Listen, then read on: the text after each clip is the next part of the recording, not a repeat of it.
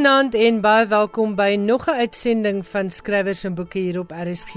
Baie dankie dat jy vanaand saam luister. Ek is Elsje Siltsveld en vanaand gesels ek met Elsje Verster oor haar belangrike boek So lyk 'n vrou en ek moet luisteraars by voorbaat waarsku dat dit sensitiewe inhoud bevat rondom vroue mishandeling. Maar terselfdertyd wil ek ook vra dat julle sal luister en dat die boodskap oor hierdie boek wyd gedeel sal word. Marie Lots gaan met ons gesels oor haar tweede naalbyt spanningsroman Polslag. En in Johan Meiburg se bydrae kan jy meer uitvind oor The Forsyth Saga se skrywer John Galsworthy. Nuwe lekker leesboeke vir die koue dae en ook 'n belangrike boek oor die menseband met die natuur deur die bekende Britse navorser en skrywer Karen Armstrong. Jy kan ook luister na 'n kort uittreksel uit Armstrong se toespraak tydens die bekendstelling van Sacred Nature: How We Can Recover Our Bond with the Natural World. Ek hoop jy geniet vanaand se program.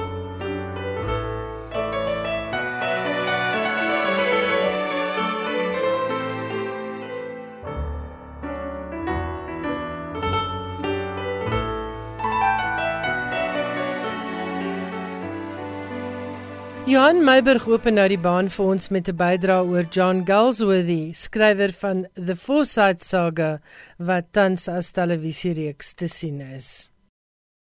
Die 2002 weergawe van The Forsyth Saga, die vervolgde weergawe van John Galsworthy se gelyknamige trilogie, is tans op Britbox te sien. Die reeks in twee seisoene is gemaak deur Christopher Menol David Moore en Arnav Chakravarti en die rolverdeling sluit in akteurs soos Damian Lewis, Gina McKee, Rupert Graves en Amanda Root. Die eerste seisoen is geskoei op die eerste 2 boeke in die trilogie en die tweede seisoen op die laaste boek.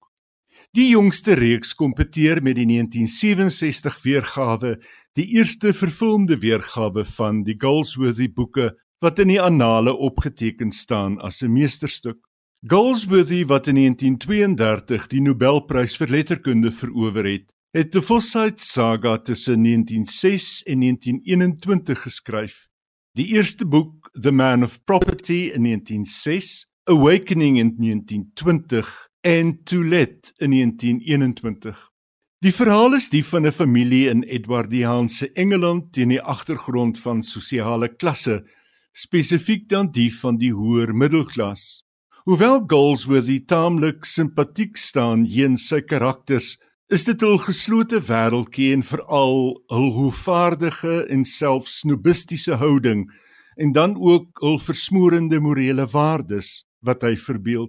Dit is veral die uitbeelding van 'n vrou in 'n ongelukkige huwelik wat Goldsworthy in meer van sy werk betrek.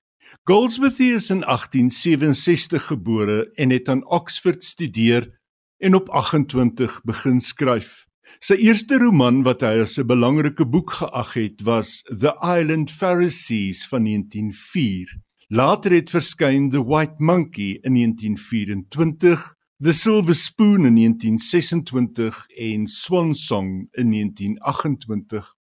In sy verhoogstukke is dit ewenigs die dubbelstandaarde van geregtigheid soos dit teregkom binne die sogenaamde hoër en laer klas wat boetoon voer. Justice, sy drama van 1910, het gelei tot hervorming van die Engelse tronkstelsel. In 1918 is Goldsworthy 'n ridderskap aangebied wat hy van die hand gewys het omdat hy aangevoer het 'n skrywer se loon kom gewoon uit die skryfwerk self. In 1921 is hy verkies as die eerste president van Penn International en in 1932 is die Nobelprys aan hom toegekend. Hy was teen daardie tyd te siek om die oorhandigingsgeleentheid by te woon en is 7 weke later in 1933 dood. Sy prysgeld het hy aan Penn International geskenk. The Forsyth Saga bied 'n mens insig in die wêreld van John Goldsworthy se karakters. Maar dalk is dit tyd om die drie boeke wat saam The Forsyth Saga vorm, weer van die rak te gaan haal en te begin lees, of dit dalk te gaan uitneem by jou plaaslike biblioteek. Dankie Johan Meiburg. Jy luister na skrywers en boeke. jou belangrikste bron oor Afrikaanse boeke. Ilse Verster se debuutboek So lyk 'n vrou, my 40 jaar van hel saam met 'n narcis, handel oor vrouemishandeling en dit is haar eie verhaal.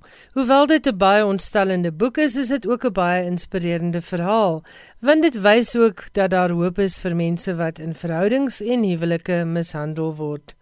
As sensitiewe temas soos hierdie jou dalk kan ontstel, gaan maak eers 'n koppie tee, maar ek wil tog vra dat soveel moontlik mense na finansie program gaan luister, want ons almal ken iemand wat mishandel word. Deel dus asseblief ook die potgooi van hierdie onderhoud met sulke mense, juis omdat 'n potgooi ook in die privaatheid van 'n persoon se huis of kantoor geluister kan word en hulle hooplik die moed gaan gee om iets aan sy of haar situasie te doen.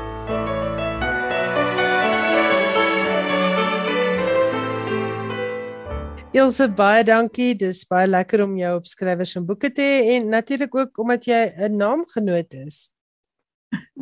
Baie dankie Ilse. Dit is 'n groot voorreg om op skrywers en boeke te wees vanaand.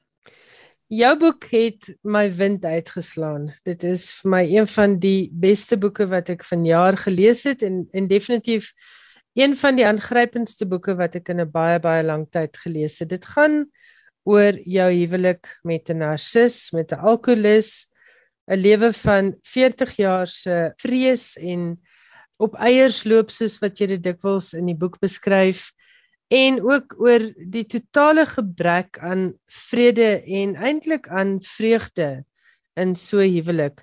Nou wil ek by jou weet waar het die idee ontstaan om 'n boek te skryf? Was dit terapeuties of hoekom het jy besluit om oor hierdie 40 jaar te skryf?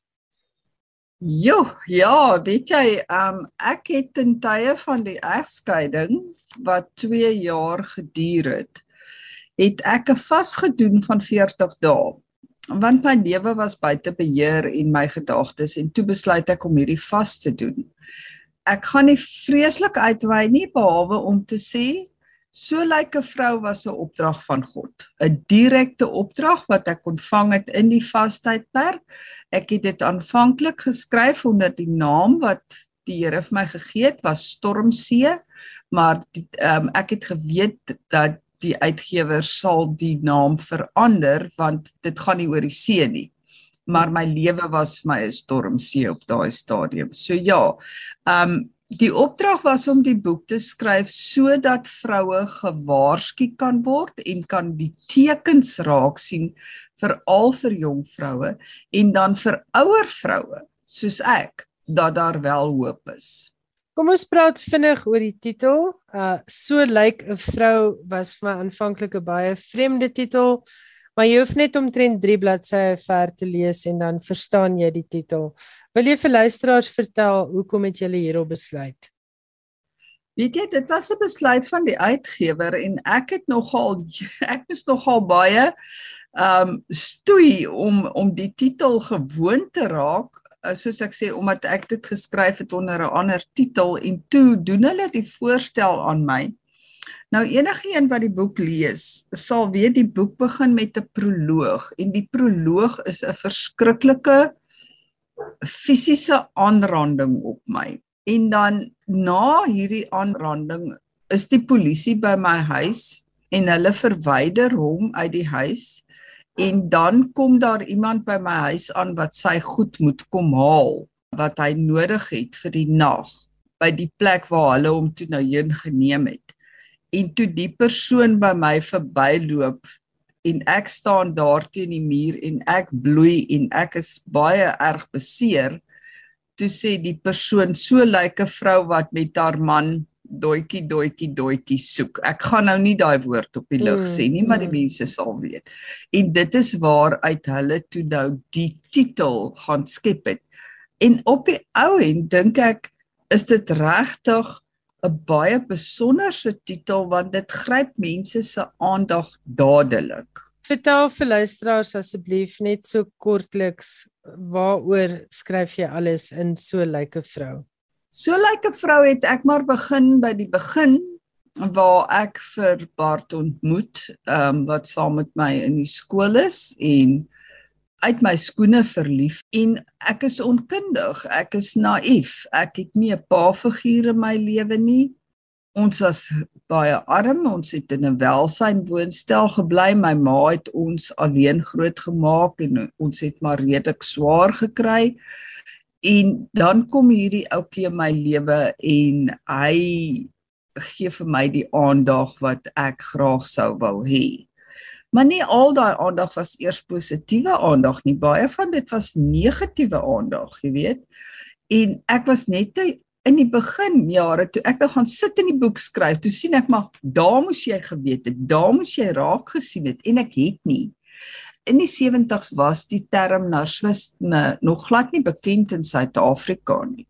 Ek het eers in die 90's of in die begin van die 2000s het ek met hierdie term regtig kennis gemaak. So dan loop die boek deur na hoe die verhouding ontwikkel deur die dienspligjare wat baie snaaks was. Daar's baie snaakse dele ook in 'n lagwekkende deel. En um, dan as jong getroudes en dan as ouers. En hoe die verhouding stadig aan begin ontrafel. En jy het dit in die begin nie eers besef nie. Ek het byvoorbeeld op 'n dag het ek net begin huil en huil en ek kon nie verstaan hoekom nie en ek het vir hom gesê vat my dokter toe. En die dokter het my vir onmiddellik verwys na 'n psigiater en dit my onmiddellik gediagnoseer met 'n uh, major depression soos hulle dit noem. En kort daarna het ek ook in die hospitaal beland. En dan hoe ek dan gekonfronteer word met die feit dat my eie ongelukkigheid spruit uit my huwelik. Daai tyd was al die interaksies wat negatief was was nog so loukie dat ek nie regtig besef het hoe hierdie goed my emosioneel beïnvloed nie en dan ontwikkel die verhouding verder na totaal disfunksionele mishandelende eh, verhouding en dan later in die boek en ek het dit alles net geskryf soos wat dit gebeur het. Ek het nie gesê hoor jy moet nou uitkyk vir die teken of as hy dit doen of dat ek het net gaan skryf wat met my gebeur het. Dit is alles my ware lewensverhaal. En dan begin die besef intree van dinge is net nie reg nie. En dan begin ek navorsing doen en dan begin ek agterkom en dan begin dinge heeltemal ekskuus vir die Engelse term heeltemal buite sien raak. Dan raak alles buite beheer en erger soos wat die alkoholisme ook begin inwerk het saam met die narcisme. En dan hulle sê altyd in 'n boek moet daar groei en ontwikkeling wees. Maar ek ek dink daarom dat ek het deur die boek en deur die ondervinding het ek as persoon as vrou myself ontdek en um, gegroei tot waar ek besef het hierdie ding kan nooit weer regkom nie. Hiersom met 'n mens uit. Maar ja, dit was nie 'n maklike proses nie. Ons het daaroor ook 'n aparte gesprek wat uitgesaai is op op en wakker en ek sal vir luisteraars die skakel na die potgooi gee van daardie gesprek van hoekom bly 'n mens. Maar vertel vir ons hier in hierdie gesprek, watse tekens het jy misgekyk? Jong, in die begin dan doen hulle mos hierdie love bombing ding, né? En dan sodra as wat hulle seker is hulle het nou vir jou mooi in hulle sakkie jy is nou baie verlief en 'n verliefde mens is mos half 'n simpel ding. Ekskuus as ek dit nou so kan sê, maar verliefde jong mense is 'n simpel ding.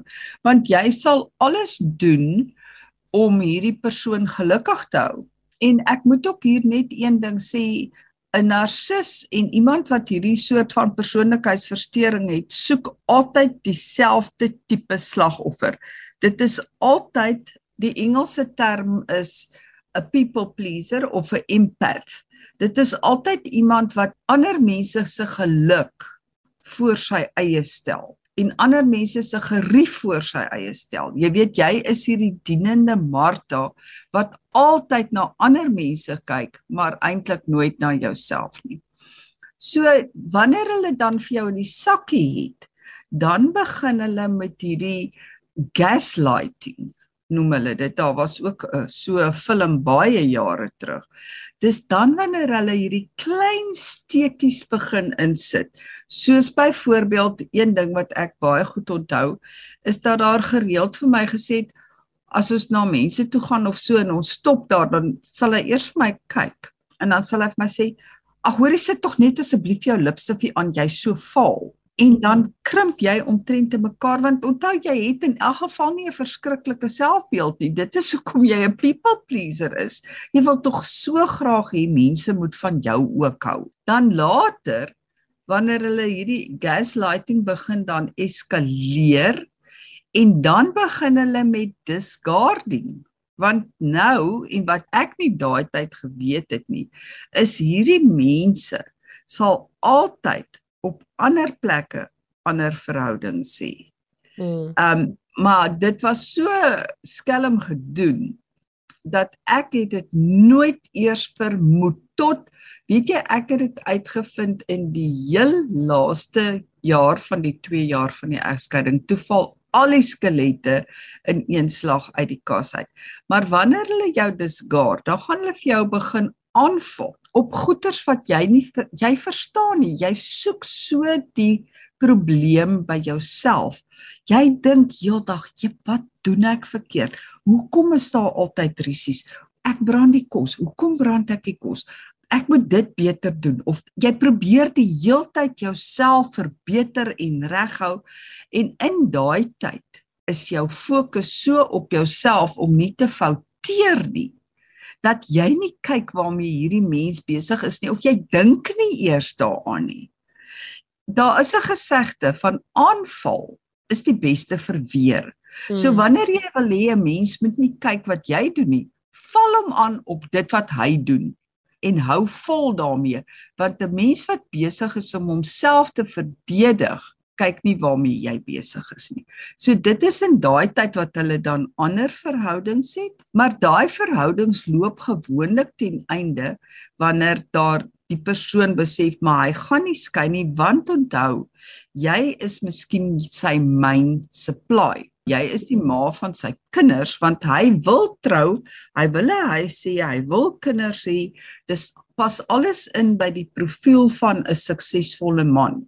En dan is jy nou daar, jy die kinders, jy werk, jy bring geld huis toe, jy betaal en later begin hulle jou finansiëel melk so op die ou end betaal jy omtrent alles en sy geld weet jy niks van nie. Jy weet nie eers wat sy pin is en hoeveel hy betaal vir wat en wat nie. Jy moet net meer betaal en dan kom hy weer terug in die verhouding en hy hoewer vir jou terug in die verhouding met ag ek kan nie eers vir jou sê hoeveel keer is ek uitgeskop gewoonlik net voor die winter altyd in April want ek verjaar in my maand dan hoef daar nie 'n geskenk te wees nie en dan na die winter net voor die Desember vakansie mag ek terugkom huis toe want ek betaal die vakansie. En dan's ek so dankbaar. So hondsterd swaai, kruip op my pens dankbaar dat ek kan teruggaan huis toe, dat ek lag lag en met vreugde die vakansie betaal. En dan as ons terug is, is dit dieselfde ding oor. En dit het my so 4 jaar gevat die laaste 4 jaar en daar was 'n kollega wat saam met my gewerk het en sy het vir my begin attent maak op hierdie goed. En toe het ek eers begin regtig besef met wat ek te doen het. Jy luister na skrywers en boeke op RSG.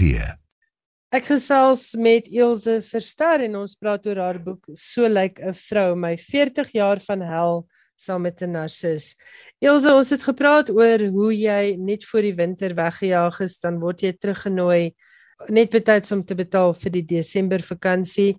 Ek neem aan daar was ook 'n uh, ander maniere waarop jy hierdie man enable het soos wat hulle in Engels sê, want in so verhouding waarin daar soveel mishandeling plaasvind, is daar altyd die twee partye en dan is daar altyd een van die twee partye wat die ander een in staat stel om sekere goed te doen. So jy finansier nou byvoorbeeld die vakansies of die lewenstyl of jy betaal die water en ligte en die kruideniersware sodat hy al sy geld het vir byvoorbeeld drank of ander plesiertjies. Hoe het jy dit ervaar en en het jy raad, praktiese raad vir iemand wat dalk vanaand luister oor hoe om dit stop te sit? Ja, om dit stop te sit, ehm um, is nogal 'n moeilike vraag want jy weet in so 'n verhouding wanneer dit so 'n verhouding of uh, so huwelik na sy eindfase toe gaan want jy kan nooit so iets tot op die einde volhou nie. As jy sou bly staan in so 'n verhouding, dink ek sal jy op die ou end of dood wees of emosioneel heeltemal so dood dat jy net funksioneer.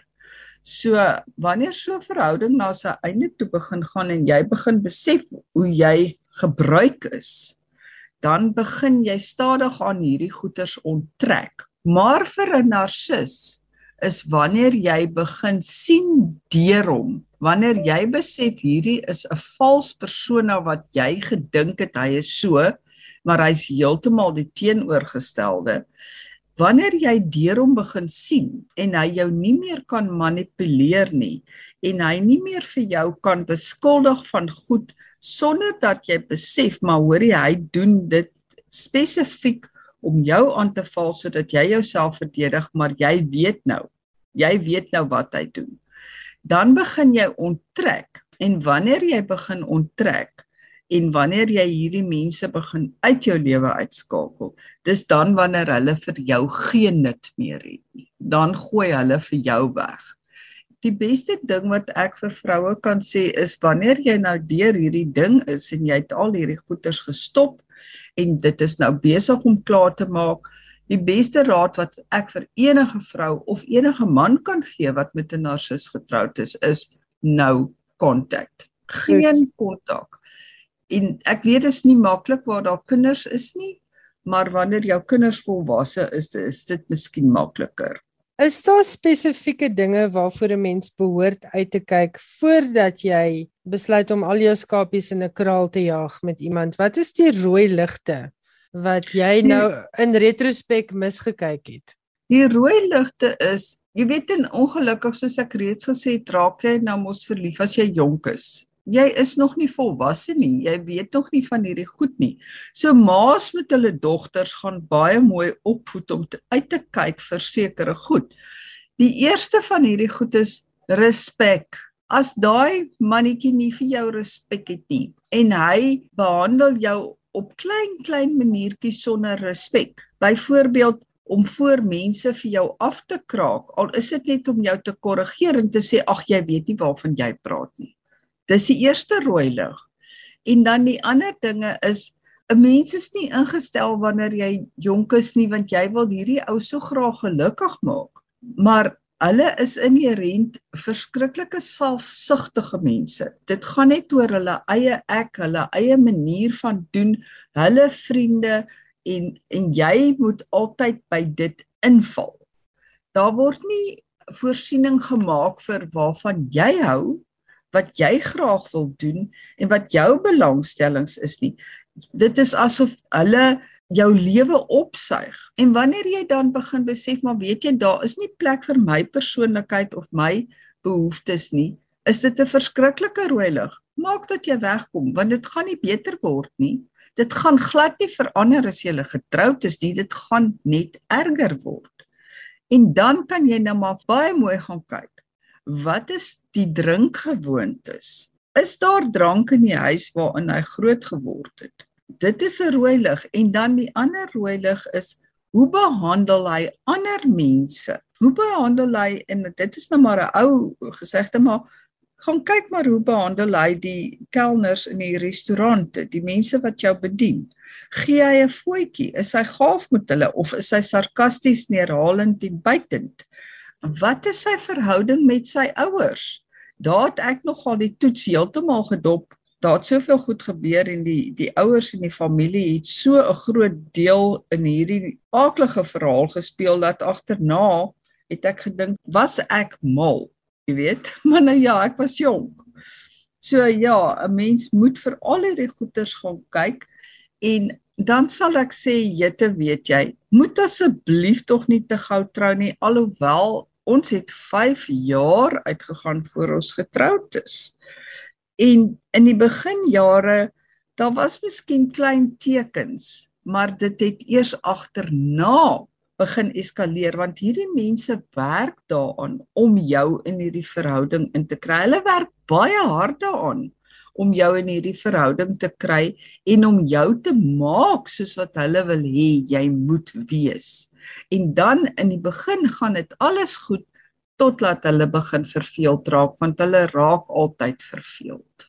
Ons het nou baie gepraat oor die inhoud van so 'n lyke vrou. Ek wil regtig voorstel dat mense hierdie boek lees, mans en vroue moet dit lees en nie net mense in ongelukkige huwelike nie want ek dink hierdie boek kan op ander vlakke ook baie beteken vir die vriende van mense wat in uh verhoudings is waarin daar mishandeling van een of ander aard en dit hoef nie altyd net fisies te wees nie emosioneel verbaal uh As jy so 'n vriend of vriendin het, lees asseblief Elsje Verster se boek So lyk 'n vrou.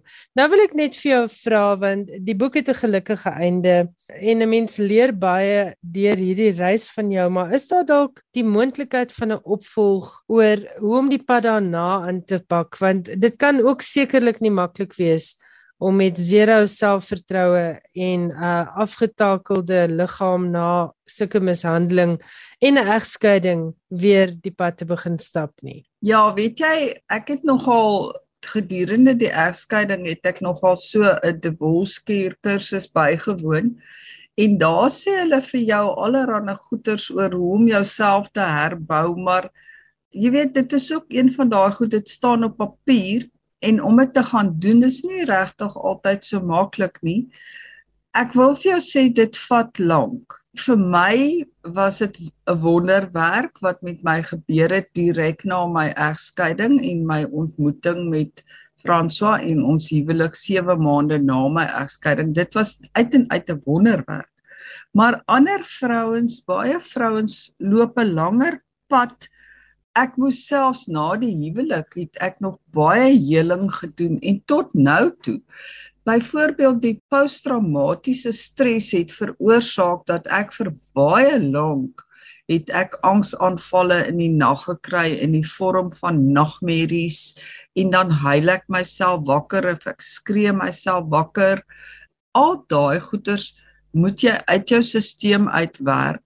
En ja om terug te kom na jou vraag Ek dink daar sal 'n opvolg wees oor hierdie onderwerp van hoe om jouself weer op te tel, te heel en wat gebeur wanneer jy die pad begin stap in 'n nuwe lewe?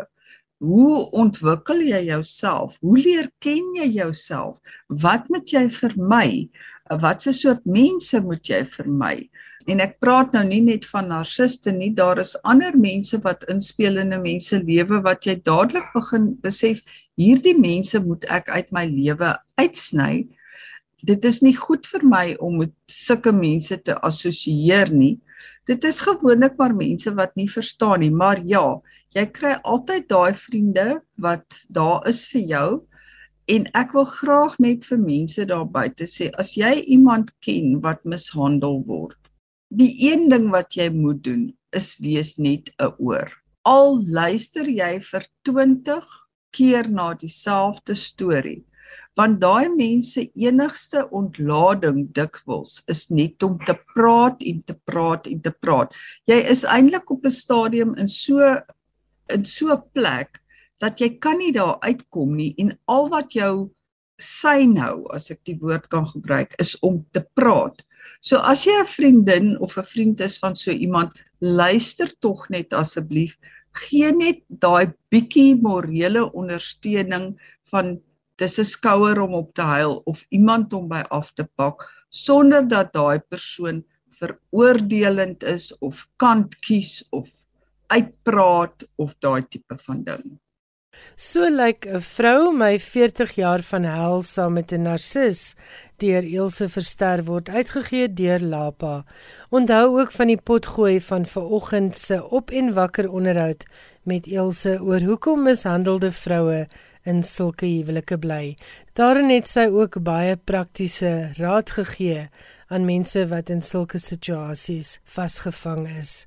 Van my kant af van almal wat in hierdie situasie sit, baie sterkte. Lees Ilse se boek en weet dat daar ook vir jou hoop is. Skrywers en boeke. Alles wat jy oor die boekewêreld wil weet en meer. Ek is Ilse Salzveld, maar ek gee nou graag die mikrofoon vir kollega Johan Meiburg en hy gaan met ons gesels oor 'n klompie nuwe internasionale boeke wat die lees werd is. As jy dink aan 'n paar nuwe boeke vir die wintervakansie vir die wat die luukse het, is daar 'n paar moontlikhede. Die eerste een is The Exhibitionist deur Charlotte Mendelssohn, 'n boek wat op die langlys van die Women's Prize was. Die boek word beskryf as 'n donker, dog snaakse portret van 'n wanfunksionele gesin wat jare lank gebuk gegaan het onder 'n narcistiese patriarg wat ook 'n kunstenaar is. As sy vrou besluit genoeg is genoeg en uiting begin gee aan haar eie kreatiwiteit, begin die poppe dans. The Exhibitionist deur Charlotte Mendelssohn word uitgegee deur Mantle. Die tweede boek is Companion Piece deur Alice Smith, 'n boek wat volg op haar seisonale kwartet met 'n blik op die letsels wat inperkingsmaatreëls op ons almal gelaat het. Dis 'n boek van verlies, hartseer, afsondering en groeiende onverdraagsaamheid. Getrou aan Smith se skryfstyl, is daar egter natuurlik magiese oomblikke en laat blyk sy dit is koneksie en gemeenskap wat 'n mens sosiale distansie kan laat oorleef. Companion Piece deur Alice Smith word uitgegee deur Penguin. Ek het al verwys na No Violet Bulawayo se jongste boek Glory, maar die is nou uit. Die boek is wat genoem word die Zimbabwese opvolger van Animal Farm en is 'n satiriese verhaal van magsug, onderdrukking en weerstand wat betekenis het vir 'n wêreld groter as net Zimbabwe. No Violet Bulawayo se Glory word uitgegee deur Chatto.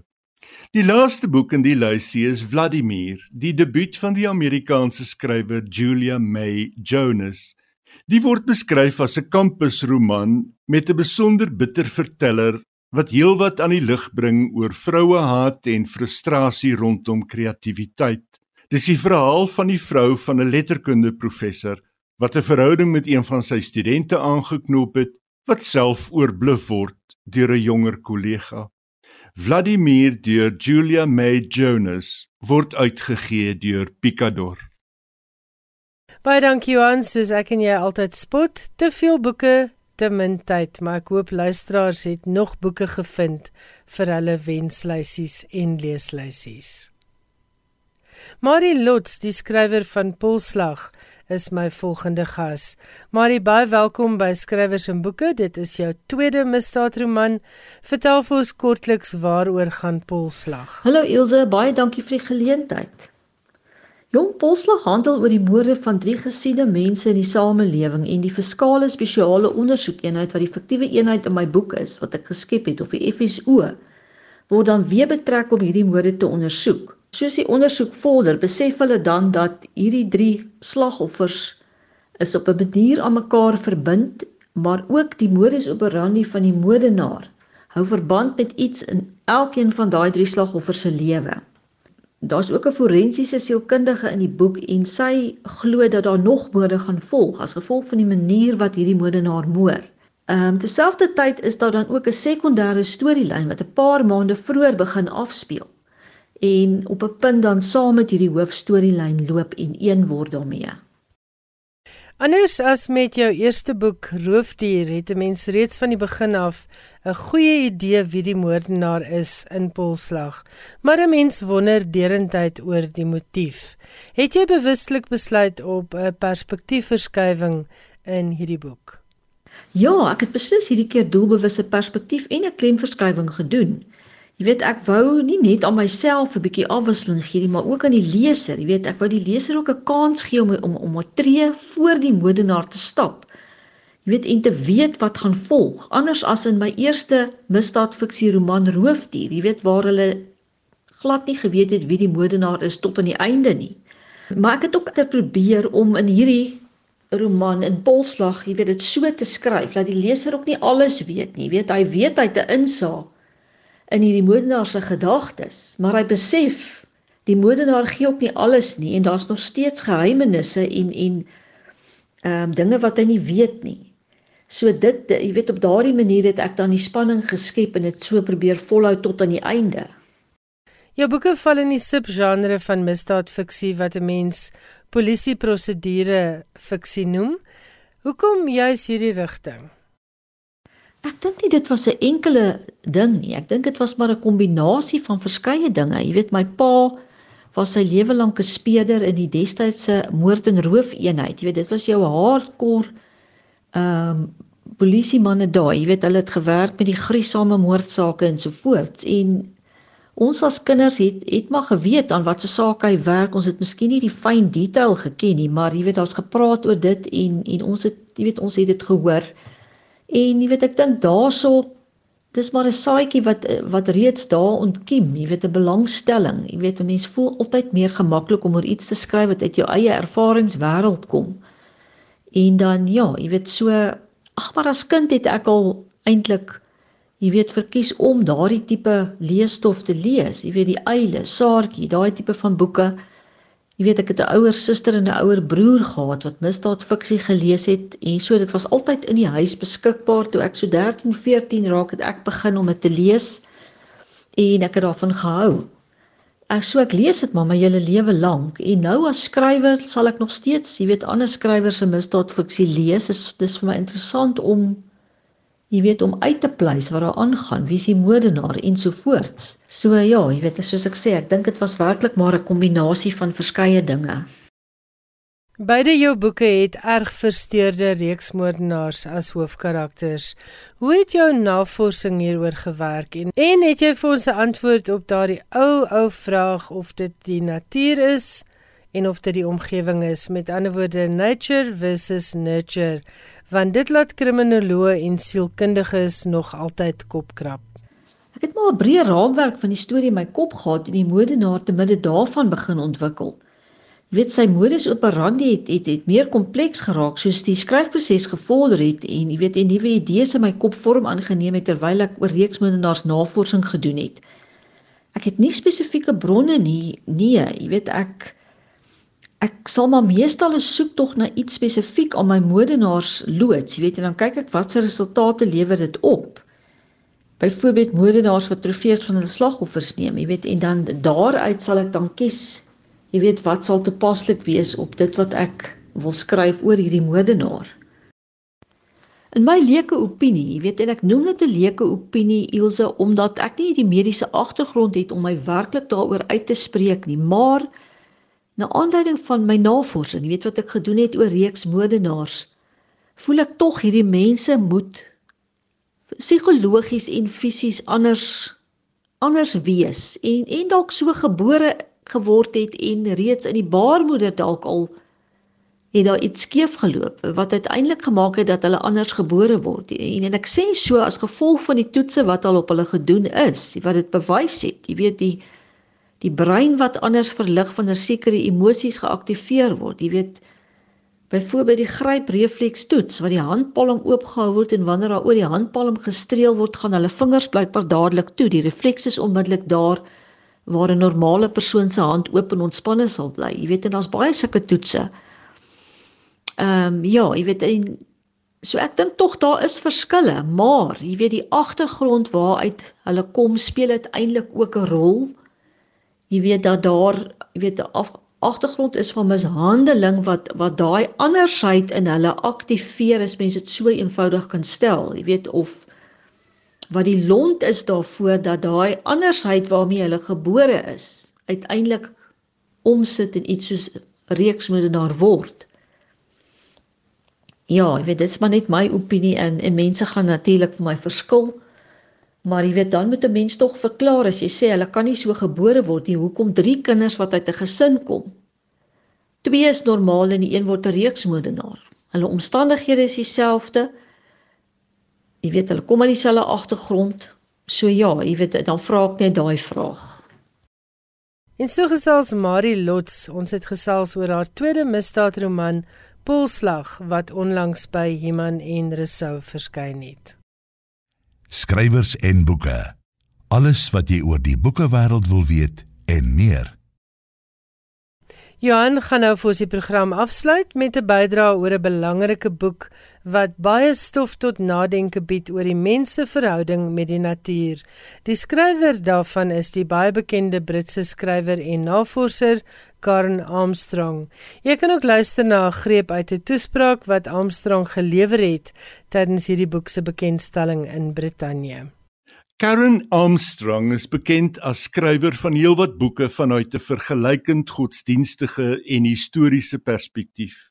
Onder meer A History of God van 1993, The Battle for God: Fundamentalism in Judaism, Christianity and Islam van 2000, The Bible: A Biography van 2007 en Religion van 2019. Nou is daar 'n nuwe boek van die Britse navorser en skrywer op Irak sacred nature, how we can recover our bond with the natural world. Armstrong se uitgangspunt is dat ons moet leer om anders te dink en te voel oor die natuur en om 'n spirituele band met die natuur te vestig. Dit is volgens haar die enigste manier waarop 'n mens 'n omgewingsramp kan vermy. Die probleem het volgens Armstrong in die weste gekom toe God en natuur geskei is. Die skeiding het nie net duisende jare se versamelde wysheid uitgedoof nie, maar die mensdom ook op die pad van selfvernietiging geplaas. In die jongste boek gee Armstrong praktiese wenke wat sou kon help om 'n ingesteldheid te ontwikkel wat ons weer kan konnekteer met die natuur en om weer 'n gevoel van ontsag aan te wakker. Die uitgewer beveel die boek aan vir lesers wat belangstel in 'n verhouding met die natuur wat besorg is oor die vernietiging van die omgewing en op soek is na nuwe maniere om woorde in dade om te sit. Sacred Nature: How We Can Recover Our Bond with the Natural World deur Karen Armstrong word uitgegee deur Penguin.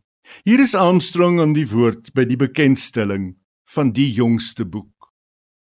We know we're in trouble ecologically. Uh, the, the, the, the situation is very, very serious. And we in the West have got to take a large responsibility for this because over the last 400 years or so, we've been seeing nature in a way that's entirely different from the way nature has been seen in the rest of the world. Um, and it's been very profitable for us. Uh, we've, done, we've had, with, with our science, and our exploitation of nature, we've done many great things in, say, medicine, for example. But we're now in danger. And really, we don't quite know what to do. Uh, we're told uh, in rather scientific language about uh, emissions and, and, and, and the serious problems. But what, what are we supposed to do to rectify this? I think we've all got uh, to look back at the way religion was seen um, in other parts of the world uh, for centuries. And we'll see that there was a very, very strong unanimity about that, which the West originally shared. Uh, but we're now very much estranged from nature. Have you noticed recently how very often, in a, a place of extreme natural beauty, people, you, you often see someone walking down a beach, for example, chattering on his mobile phone, or taking many, many pictures of it. Instead of sitting there, they're saying, This is nature. And uh, uh, in, in the way that was seen before, and you sort of drank it in, uh, as people like Wordsworth did, uh, we just have a virtual copy of it. It's the way we look at everything. I'm, I'm much involved in the British Museum. and I, the same goes on there. Instead of sitting in the presence of the Rosetta Stone, for example, you have a virtual copy of it for yourself. So we are, there is an estrangement in, in many ways. And uh, it's not enough to change the way we behave. And we've got to change our, when nobody's doing it. Have you noticed since the pandemic, there's been an absolute rush down to aeroplanes, uh, which is very bad for the environment. Um, nobody is mentioning that at all. In fact, the, the, the airlines are naturally pleading with us to come. Same with our cars. Uh, we, we drive everywhere. And this is, we don't, we, we, we, we don't know what to do. We're, we're not inspired enough to change our behavior. And it is very serious. Um, time, as we know, is running out. Every time the news comes on, it's a bit more gloomy. And, uh, and, and, we have a sinking feeling, but what do we do? People get angry about it, and there are these Extinction Rebellion uh, demonstrations. Uh, and, and, and that's good in bringing people, this, the, the, pro, the problem to people's notice. But I don't think anger helps. And I think it just, you know, if you, if you uh, nail yourself to the, the motorway, uh, all the people who are stuck are just going to be furious. Um, and we, we've got to change the way we behave. Um, and time, because and time is running out. Now, we started on a different course from the rest of the world in about the 16th uh, century.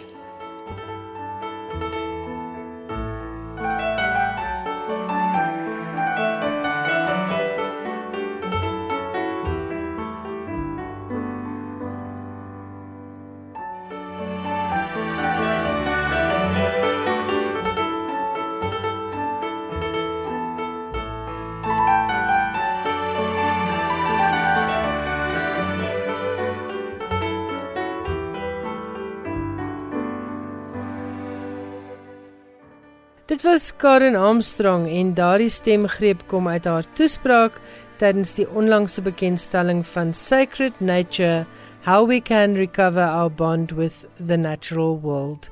Bye bye dankie Johan Meiburg, lekker interessante bydraes soos altyd. En aan jou die luisteraar, baie dankie vir die saamkuier. Volgende Woensdag aand is ek en Johan Meiburg terug en dan kan jy onder andere luister na 'n onderhoud met Brian Fredericks oor sy nuutste roman Hou jou oë oop. Die jeugboekskrywer Troula Gosen gesels ook oor haar werk en dan ook oor 'n kreatiewe skryfkursus wat sy gratis aan skole beskikbaar stel. Geniet die res van jou week, lekker luister, pas jouself mooi op en bly ingeskakel op RSG. Totsiens.